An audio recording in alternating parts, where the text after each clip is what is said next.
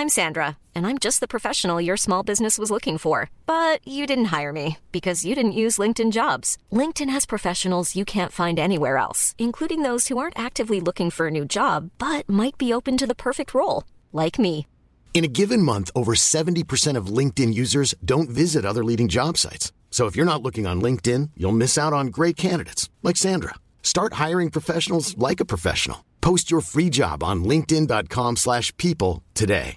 A lot can happen in three years, like a chatbot may be your new best friend. But what won't change? Needing health insurance. United Healthcare Tri Term Medical Plans, underwritten by Golden Rule Insurance Company, offer flexible, budget friendly coverage that lasts nearly three years in some states. Learn more at uh1.com. Du lytter til en podcast fra Vi det personlige erhvervsmedie.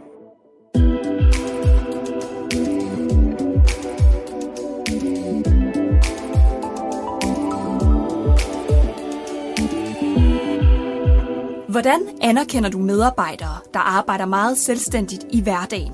Og er det mærkeligt at spørge din chef, om du har betalt frokostpause, når du har været på arbejdspladsen i flere år? Det er nogle af dilemmaerne, vi kommer omkring i denne episode af Vi arbejder med det, podcasten, hvor vi hjælper med at løse dilemmaer i arbejdslivet. Din vært er mig. Jeg hedder Karen Honing. Velkommen til dig, Ole Drob. Tak for det. Du er jo øh, rektor på øh, Hasseris Gymnasium, og øh, lige her til at starte med, så vil jeg gerne høre, øh, hvordan gik det egentlig til, at du blev øh, rektor på et gymnasium? Ja, det er lidt en sjov historie. Øh, Jeg øh, gik selv på Hasseris Gymnasium for nu rigtig mange år siden. Og øh, efter jeg forlod gymnasiet, 14 dage efter jeg tog studenteksamen, der øh, startede jeg på en ny uddannelse inden i militæret for at blive reserveofficer. Og øh, dengang var man jo inde to år, og i løbet af min officersuddannelse derinde, der reflekterede jeg selvfølgelig lidt over, hvad jeg skulle bruge min fremtid på. Og der var to ting, jeg elskede ved militæret. Den ene var ledelse. Jeg synes, det var enormt interessant at, at motivere mennesker til at, at opnå et bestemt mål. Øhm, det kunne jeg godt lide. Jeg kunne godt lide at være sammen med andre mennesker. Arbejde med mennesker, som man jo gør ved militæret også. Øhm, og så kunne jeg rigtig godt lide at undervise. Jeg synes, det var magisk at stå foran øh, nogle unge mennesker og, og lære dem noget. Og så tænkte jeg dengang, øhm, da jeg var de der 20-21, hvordan kunne man kombinere de to ting i en spændende øh, erhvervskarriere øh, en gang. Og så besluttede jeg mig faktisk for som 21 år, at jeg gerne ville være rektor. Og det sjove er faktisk, at jeg satte mig en målsætning om, at det skulle være på Hasseris Gymnasium. Og hvorfor, Øh, som, hvorfor øh, skulle som det lige være der? Øh, Der var både en positiv og en da- øh, en negativ dagsorden. Den positive var, at jeg synes, det kunne være enormt sjovt at være med til at bygge unge mennesker op, som, øh, som øh, er en af de største ting i mit liv. Jeg synes, det er helt fantastisk at være sammen med den energi, de unge mennesker øh, har. Men også, hvor vigtig den opgave egentlig er. Altså bidrage til at, at få unge mennesker til at, til at være sunde, velfungerende og, og uddannede mennesker. Mm.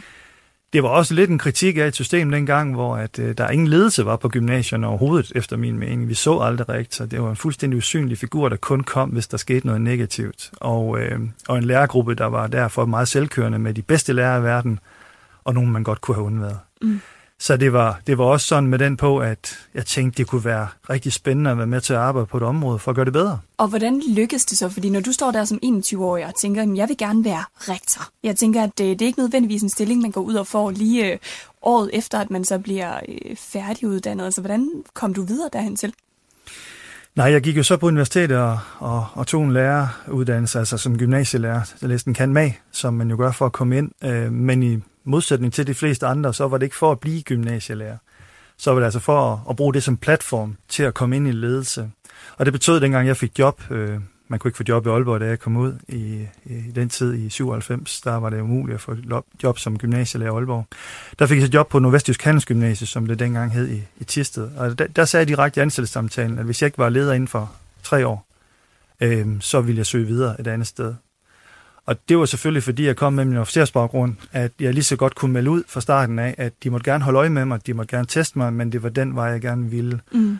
Og efter to år var jeg så uddannelsesleder øh, deroppe, så det gik jo, som, som jeg gerne ville have. Og, og, så man kan sige, at jeg har, for, jeg har forfulgt det mål på den vis, men man skal jo også være heldig selvfølgelig, at de stillinger opstår på et tidspunkt, man, skal, man så skal have.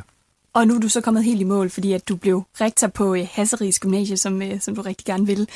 Og Ole, vi er rigtig glade for, at øh, du er med i dag, fordi vi jo har nogle forskellige dilemmaer i arbejdslivet, du har lovet at hjælpe os med at løse.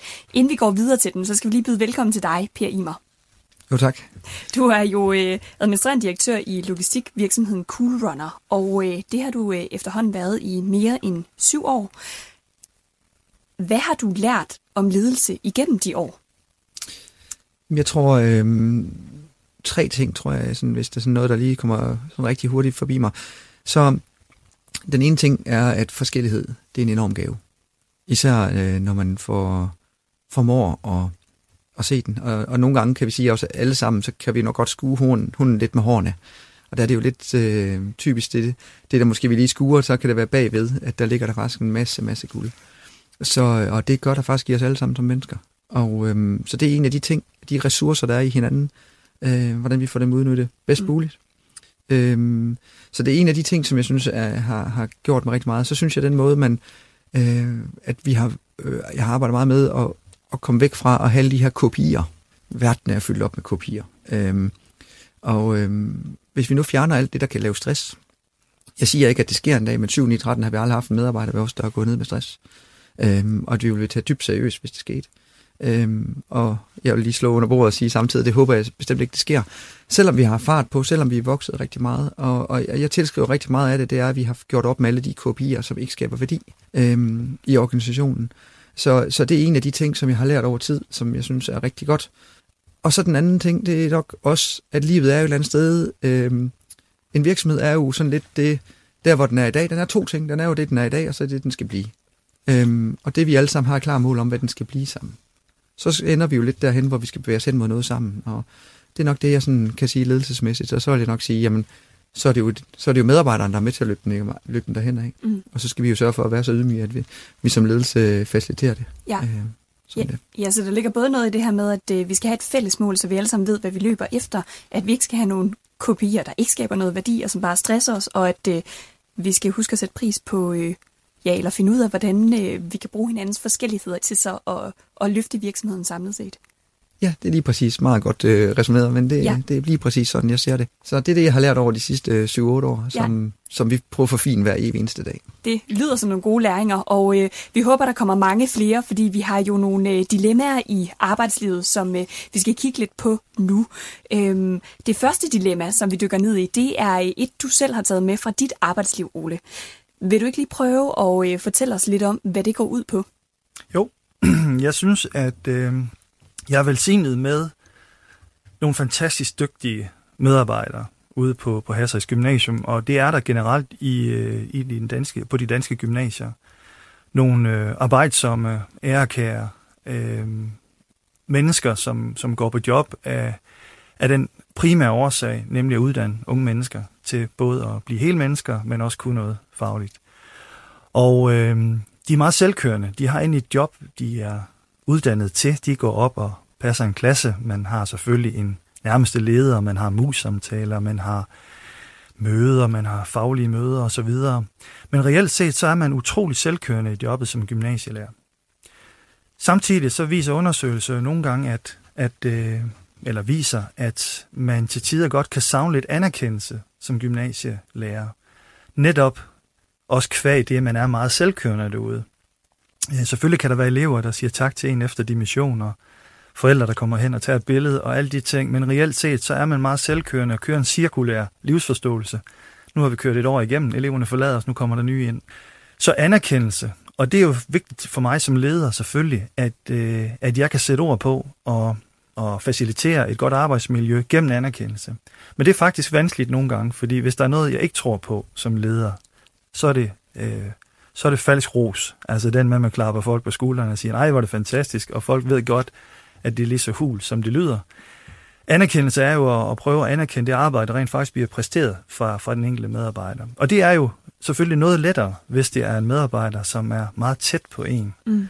Øh, min sekretær, som jeg arbejder sammen med dagligt, øh, mine, mine øvrige øh, ledere, øh, vi har syv i ledelsen, de andre seks ledere, er jeg tættere på, men en, men en lærer, som går og passer sit arbejde ude i klassen, gør et fremragende job dag efter dag, år efter år, kan faktisk godt være svært nogle gange at anerkende. Og det, det synes jeg er et dilemma. Ja. For hvis jeg blander mig mere og siger, nu kommer jeg lige ud og ser dig undervise øh, lidt oftere og følger lidt mere med, så ligger der en risiko i, at noget af den selvstændighed, som gymnasielærer også er glade for, at den ligesom bliver overtrådt. Så det er, som meget ledelse jo efter min mening er, en balance mm. i, i det her, man agerer i.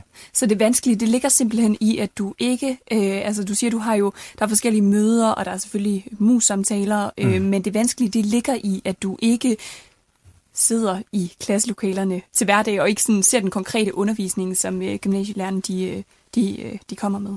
Ja, præcis. Ja. Ja. Gymnasielærerne går velforberedt ud til deres undervisning og, og bedriver deres værk, Ja. øh, men det er jo ikke synligt Nej. for, for andet end eleverne, kan man sige, derude i, i dagligdagen. Så, øh, så det er en, en meget, meget selvkørende funktion at være gymnasielærer på Mm. den måde, ja. Du nævner også det her med, at der er en landstækkende undersøgelse, der viser, at øh, gymnasielærer, mm. de, øh, de savner anerkendelse. Ved du, om det også gør sig gældende? Altså er der nogle øh, lærere på Hasseris Gymnasium, som også har givet udtryk for det? Ja, vi har også vores egne øh, APV'er. Vi har lige været igennem APV nu her, som, som egentlig viser et, øh, et, et godt resultat på mange måder, men, men nogle af de ting, der ligger der, er blandt andet anerkendelse. I øvrigt også øh, kollega-kollega imellem.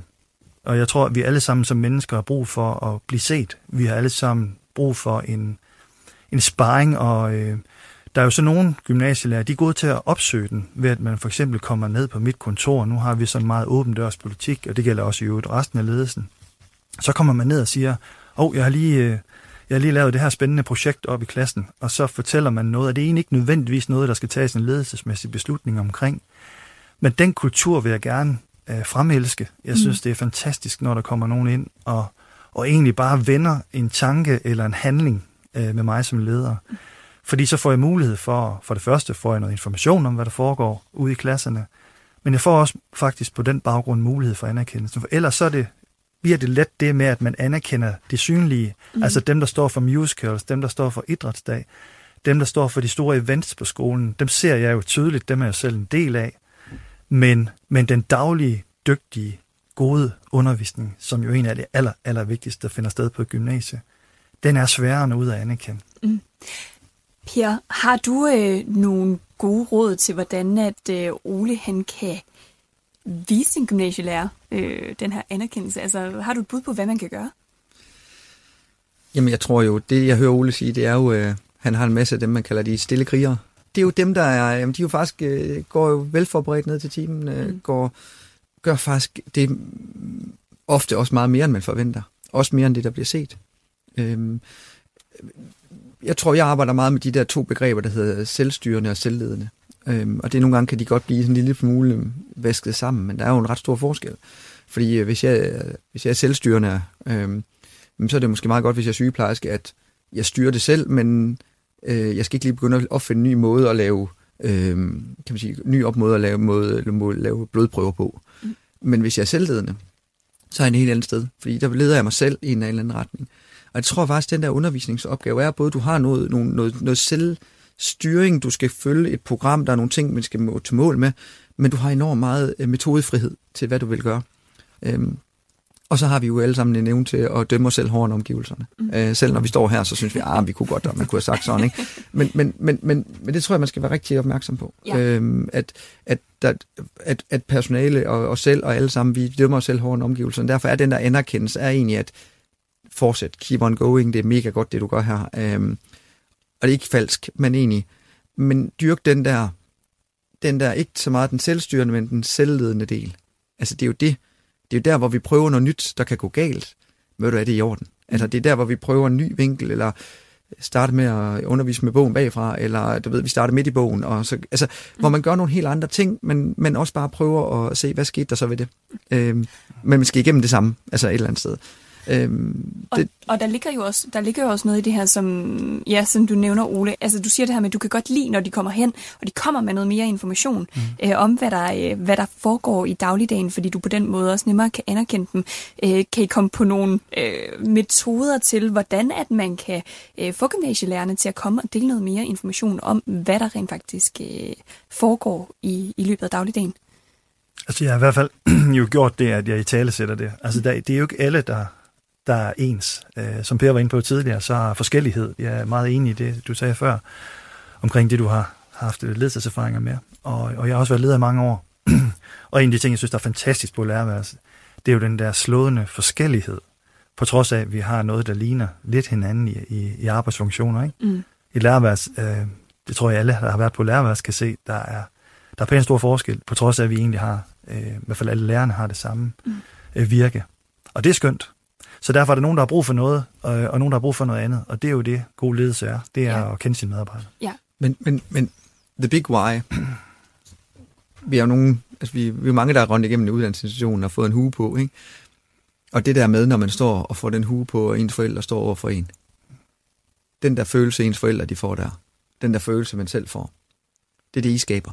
Det er den fabrik, der går igennem der. Mm. Øh, de fejrer det jo så meget bagefter, og den hele uge, de kører rundt i vognen og alt muligt. Ikke? Altså, den skal have fuld ild. Ikke? Det, kan, det kan gøre med Nej, det kan nok ikke gøre det længere, men, men, men, men det er så vildt. Ikke?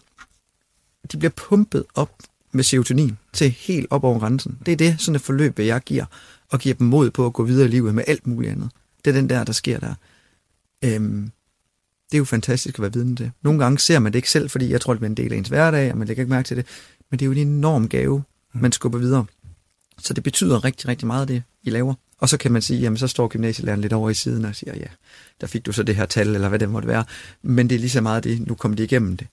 Og det er jo smukt, ikke? Og det er jo nok den, man skal, skal fejre os, og så sige, hvad, hvad det gjorde vi også igen i år, mm. og vi fik igen dem her igennem. Ikke? Mm. Altså det, altså det ved ja, så, ja, så der er anerkendelse mm. i nogle af de der store øjeblikke, som når de står for, for hurene på, så ryger der noget anerkendelse tilbage til, til de forskellige gymnasielærer, jeg laver en kæmpe fest. Ja. Se, hvad det var. Se, nu gjorde vi det igen i år. Ikke? Ja. Det er jo noget, der er værd for... Ja, det ved jeg slet ikke, om I gør, men, men man kan sige... Jo, jo, det gør ja. vi. det lyder godt.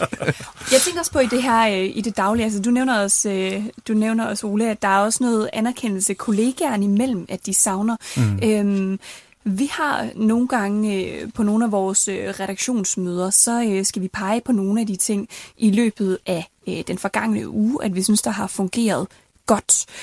Hvad med noget? Altså, det, det, det er i hvert fald en meget simpel metode at få peget på øh, noget af det, som, øh, som ens øh, kollegaer har gjort, eller også nogle gange få fremhævet noget af det, som man faktisk selv øh, synes er gået godt i løbet af en arbejdsuge. Øh, hvad med sådan noget lavpraktisk som det? Er det noget, I har praktiseret tidligere?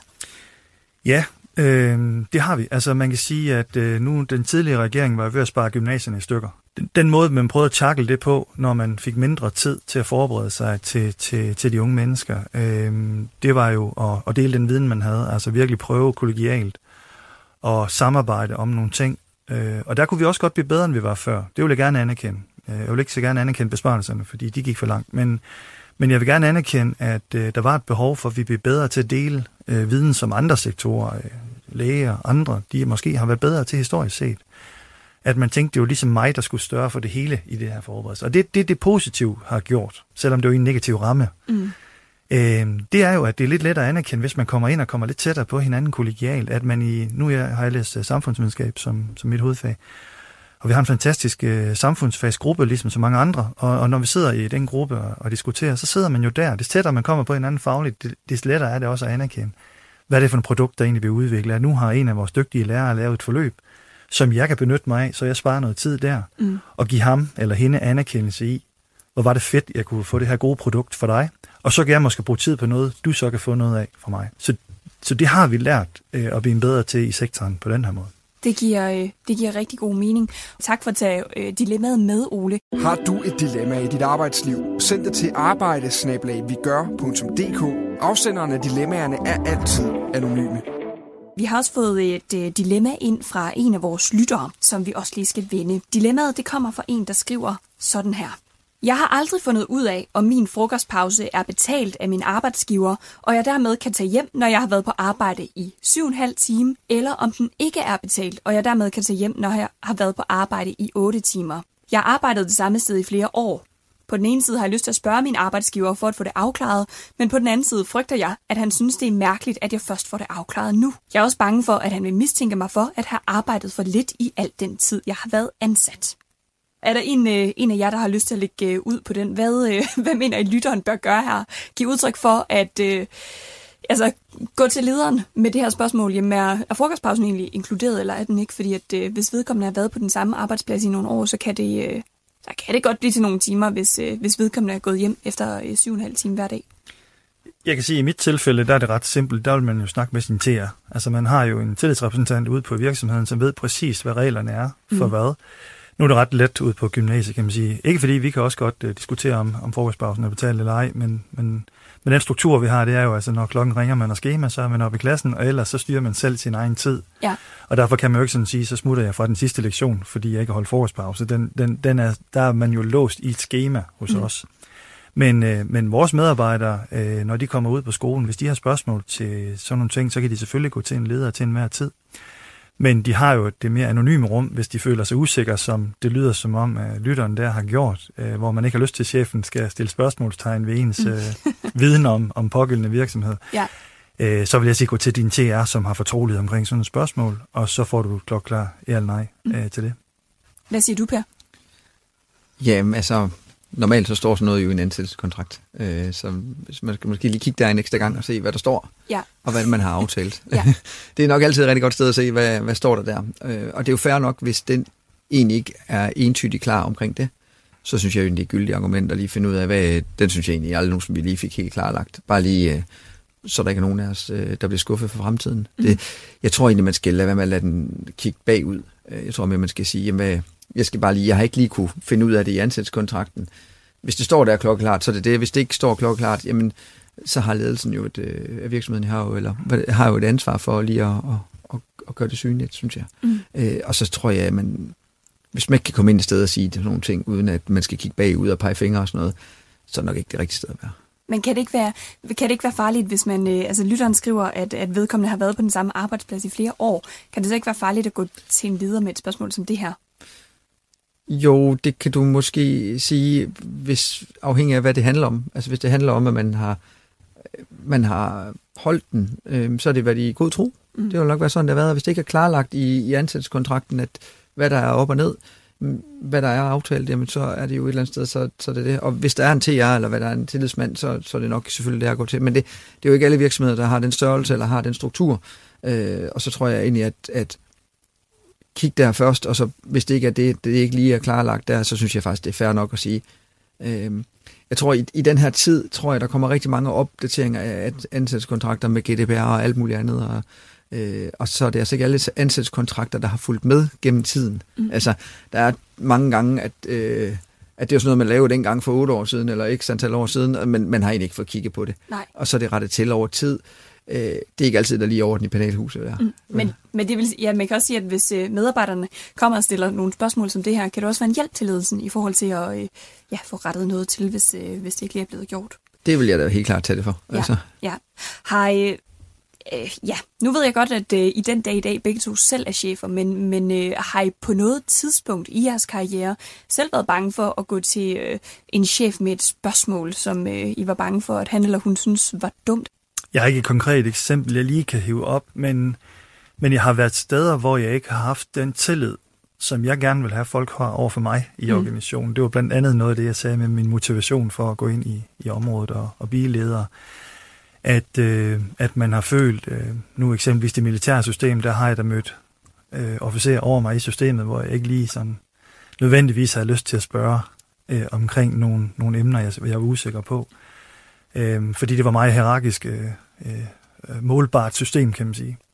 Øhm, men der er moderne ledelse også inden militær, ligesom der er alle andre steder i dag. Øhm, det er jo derfor, de danske soldater blandt andet er nogle af de bedste i verden. Det er jo fordi, i modsætning til andre militære, så har militæret også fulgt med i den udvikling, at, at det er klart et spørgsmål, øh, som, som ikke bliver gentaget øh, 20 gange, men at man opsøger for at, at skabe ny viden og afklarethed, også er godt for den leder, der står over en. Mm. At man ved, at den, der nu er under en i det her ledelseshierarki, rent faktisk kærer sig for at kunne løse sin opgave. Ja. Altså man skal også se det som en, der rent faktisk, i stedet for bare at melde sig ud af kampen, og så siger, at jamen, jeg, jeg flyder bare med, Mm. men rent faktisk prøver øh, at lære noget. Ja.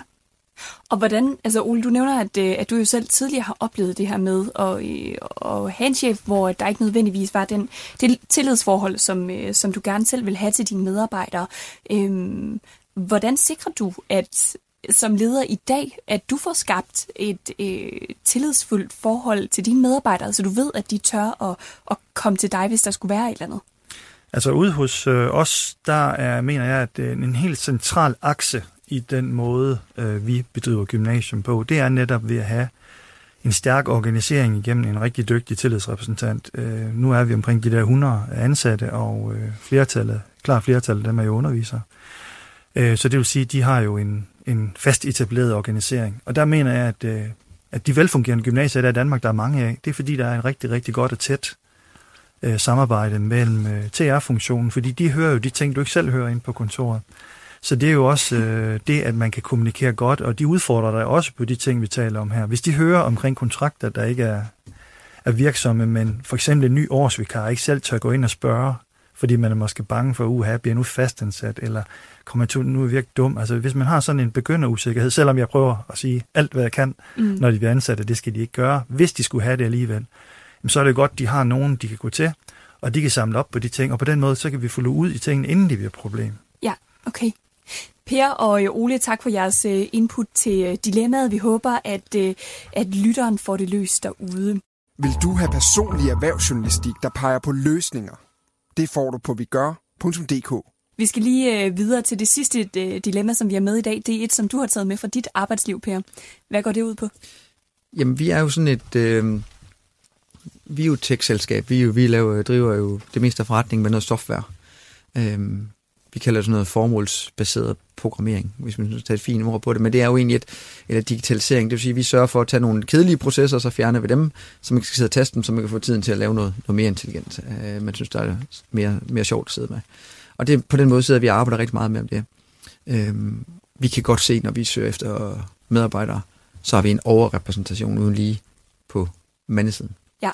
Øhm, og når vi sidder og snakker med nogen, der står for datamatikerstudiet og så videre, så er det jo sådan noget 72, eller at du ved, det er sådan nogle, ikke også? Så det er ja. ikke fordi, at, at det vi sidder og arbejder med er meget, meget dataorienteret, og meget, meget, meget, du ved, på den måde. Øh, jeg tror også, hvis vi kigger lastbilchauffører, så er det nok heller ikke der, der er overrepræsenteret på kvindefagen og så videre. Og der kan vi jo godt se i dag, at, at, at vi har, vi kan, vi kan slet ikke, vi kan slet ikke tiltrække øh, kvinder overhovedet ind i vores virksomhed, selvom vi egentlig synes, at vi går og gør det. Prøver at have nogle gode værdier, prøver at lave en masse sociale arrangementer, vi prøver at være nogle steder, hvor det er. Øh, senest havde vi en stilling, øh, vi slog op. Jamen, øh, der var, øh, det var 20-0, altså mm. øh, på dem, der søgte. Så 20 mandlige ansøgere, 0 kvindelige? Ja. ja. Det er det, vi oplever. Ja. Øhm, der, hvor vi, der, hvor vi sidder i dag. Mm. Øhm, og vi vil jo egentlig gerne have den forskellighed. Vi vil gerne have forskellige... Altså, jeg tror jo rigtig meget på det der med, at vi får nogle forskellige nye ord og nye stemmer ind mod bordet øh, på, på, hvad der er. Øhm, så, så det er ikke, øh, det er ikke det. Men jeg må også bare sige, det er et kæmpe dilemma, fordi vi står et eller andet sted og siger, at vi, ser i, vi sender et signal, vi ikke er. Øh, det er der ikke nogen, der synes er særlig sjovt, fordi vi vil egentlig gerne, men, men det er ikke der, vi... Øh, det er ikke sådan lige, når vi søger kvindelige udviklere, så søger der lige øh, 20. Øh, mm. det, det sker ikke. Nej, så det du mener, det er, at de sender et signal om, altså, at hvis man kigger på jeres virksomhed, så kan man se, at der er ikke særlig mange kvinder ansat, selvom I egentlig gerne vil have kvinderne ansat. Ja, jamen, det vil vi selvfølgelig gerne. Ja. Altså, de skal jo være interesserede i at, at tage jobbet først og fremmest, og for det andet så også uh, have kvalifikationerne til det, ikke også? Altså, ja. som det er det, man skal lave, ikke? Men, men, men den er meget, meget, meget skæv, synes jeg, for os, i forhold til, hvad vi egentlig har et mål om. Ja, og ligger, øh, ligger selve dilemmaet i det her med, om I skal øh, forsøge at gøre noget aktivt for at tiltrække nogle flere kvinder, eller om I skal øh, acceptere, at øh, det bare er sådan, at ansøger, øh, for, ja, at ansøgningerne de fordeler sig? Jamen skal vi bare lade skulderen falde og sige, jamen det, vi er bare sådan en virksomhed, som ser sådan her ud, og så må øh, dem, der søger ind, de må jo søge ind efter, efter den stilling, der nogle gange er. Ja. Øh, nu kan vi sige, at vi har også et lidt ekstremt arbejdsmarked i øjeblikket, øh, med en meget, meget lav arbejdsløshed, og der går 30.000 flere ud af arbejdsmarkedet, end der går ind hver år. Øh, så, så, og det ser ikke ud til at forandre sig de næste 10 år. Ikke? Øh, så, så jeg synes, vi har nogle, i hvert fald i den virksomhed, vi er, Øh, og der, snakker vi med andre virksomheder, har slet ikke den øh, udfordring overhovedet, som vi, vi står midt i. Mm-hmm. Øh. Og hvorfor er det, det er så udfordrende? Altså, hvad er det, du tror, at øh, det ville kunne give Cool Runner, hvis I fik øh, nogle flere kvinder ind i virksomheden? Jamen, øh, jeg tror jo øh, dybest set, så øh, der er jo der er jo rigtig, rigtig mange kvinder, der handler på nettet. Vi sidder og arbejder rigtig meget med den cirkulære økonomi, hvor vi bygger de der løsninger, der ligger bag ved mange af de der platforme, når vi køber øh, Øh, når vi køber og handler brugt tøj og sådan nogle ting med. Sådan. Og der kan vi så sige, jamen det er måske også noget 80 eller 70 procent af kvinder, der handler brugt mellem hinanden i forhold til mænd. Øh, så, så, så dem vi servicerer er egentlig øh, faktisk øh, en kvindelig gruppe.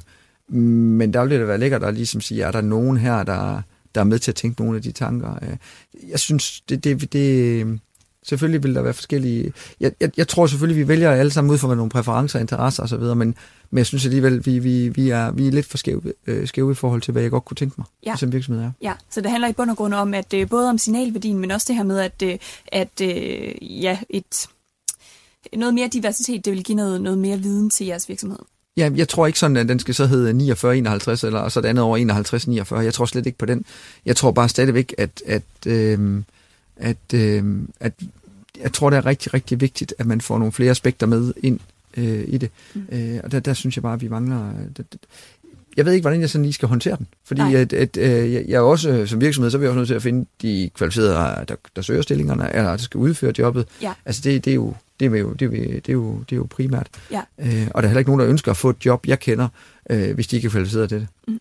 Eller øh, skal have det, fordi de er øh, kvinde eller mand, eller hvad det måtte være. Altså, det er der ikke nogen, der ønsker. Mm. Altså man vil gerne have det, fordi man er den til jobbet, ikke? Ja. Skal vi, have, skal vi simpelthen have Ole til at uddanne nogen, der kan komme over i Cool Runner til dig, Per? Eller hvordan? Hvad, Ja, det, ja, jeg vil gerne høre, hvad sker der der. Ole? Hvad? hvad sker Jamen, der, det er, jo, det er jo mig, der har pigerne. øhm, og øhm, jeg synes, det der det er en rigtig, rigtig vigtig problemstilling, som egentlig ikke er, at en piger kan løse alene. Det er en samfundsmæssig problemstilling, som jeg ved, jeg er i hvert fald i et dialog med, og andre kollegaer er i dialog med Aalborg Universitet om. Ude på, på universiteter på UCN, øh, sandsynligvis på samme vis, der, øh, der er der jo en stor, stor kønsmæssig forskel i, hvor de søger ind, og det er jo det, der afspejler, hvor går de så ud og tager en erhvervskarriere efterfølgende. Og der arbejder vi i de her år, øh, og vi er slet ikke noget mål. Langt fra det illustrerer også, at når Per har ansøgninger ude, så er det, så er det drengene, der søger. Øh, vi er jo simpelthen nødt til at have nogle flere øh, piger, der tør. Øh, en af de ting, jeg ved fra Aalborg Universitet, øh, for nogle af deres dygtige folk, det er, at øh, rollemodeller betyder rigtig, rigtig meget.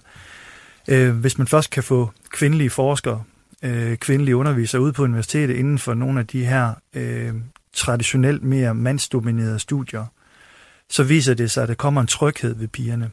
Vi laver, jeg har lige sendt, øh, eller kommer lige nu til at sende en hel masse af vores naturvidenskabspiger ud på Aalborg Universitet. De laver en, øh, en årlig begivenhed, der hedder Girls Days in Science. øh, Girls Days in Science, hvor de kommer ud hele dagen på universitetet og kommer ud på nogle forskellige institutter for at skabe en ro. Der er ingen tvivl om, at pigerne er mere utrygge. Traditionelt, nu generaliserer jeg, men mange piger er utrygge ved at gå ind og tage de lidt mere tunge, som vi kalder dem, områder inden for datalogi og programmering osv. Det ved vi fra, fra de videregående uddannelser. Så vi er nødt til at, at skabe noget mere brobygning mellem øh, gymnasiesektoren, fordi det er STX, især her, som, øh, som sidder øh, på pigerne. HTX'erne er jo også primært drenge, der går den vej. Øh, og derfor ved jeg også, blandt andet ude på datalogi og andre øh, studier derude, der vil de faktisk rigtig, rigtig gerne have flere STX'er til at søge mm. det her.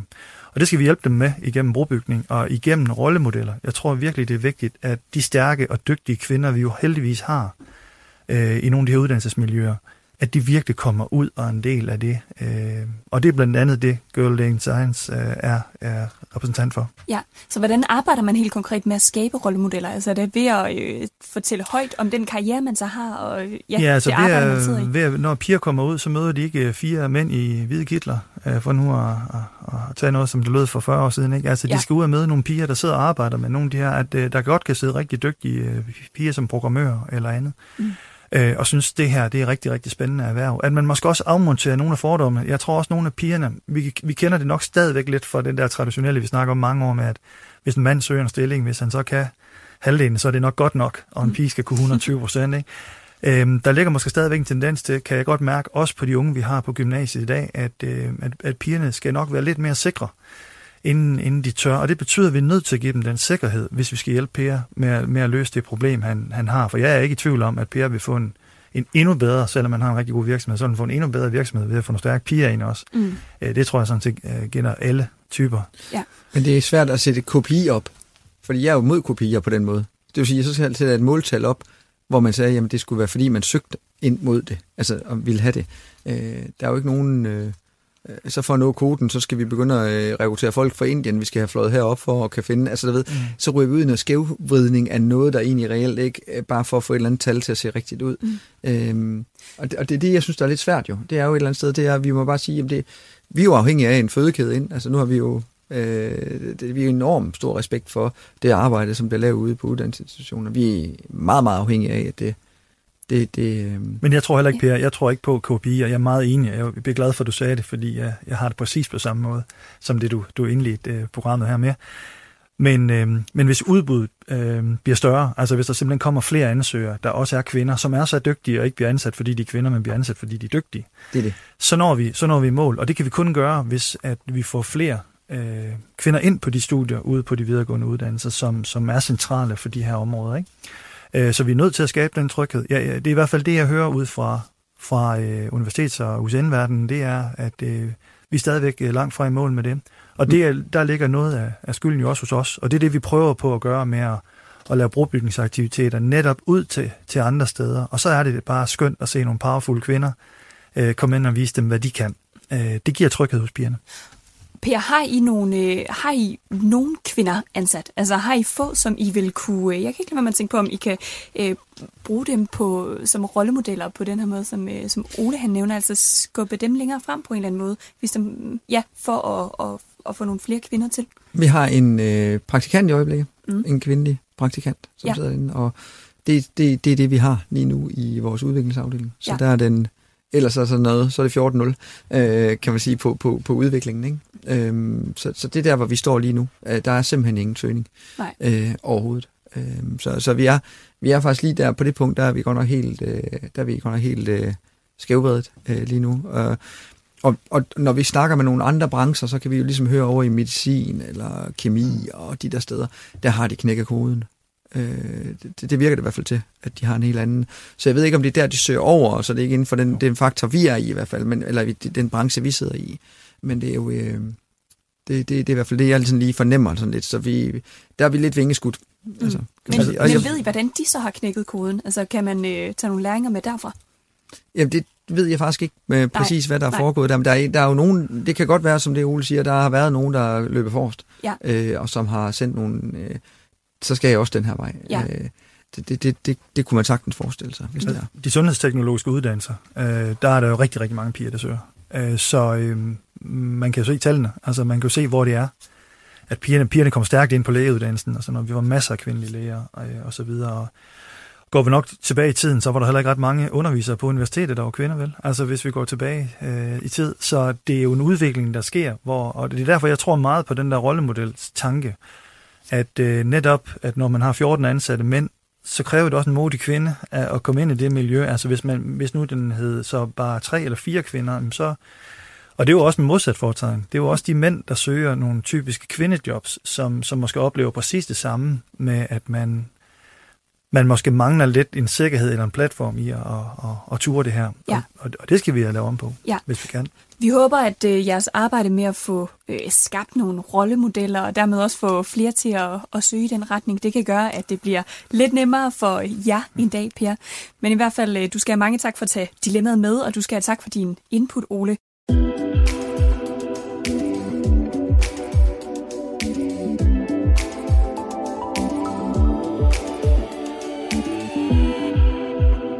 Imer og Ole Drob, mange tak, fordi I vil hjælpe med at løse dilemmaer i arbejdslivet, og tak, fordi I også vil øh, fortælle om jeres egne. Også tak til dig, der lyttede med. Husk, at du altid kan skrive til arbejde hvis du har et dilemma i dit arbejdsliv, du gerne vil have hjælp til at løse. Afsenderne af dilemmaerne er altid anonyme i podcasten.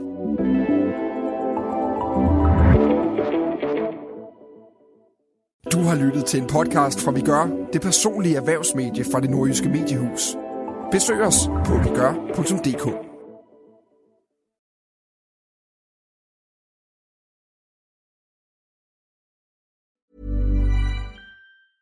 Planning for your next trip? Elevate your travel style with Quince. Quince has all the jet-setting essentials you'll want for your next getaway, like European linen, premium luggage options, buttery soft Italian leather bags, and so much more. And is all priced at 50 to 80% less than similar brands. Plus, Quince only works with factories that use safe and ethical manufacturing practices.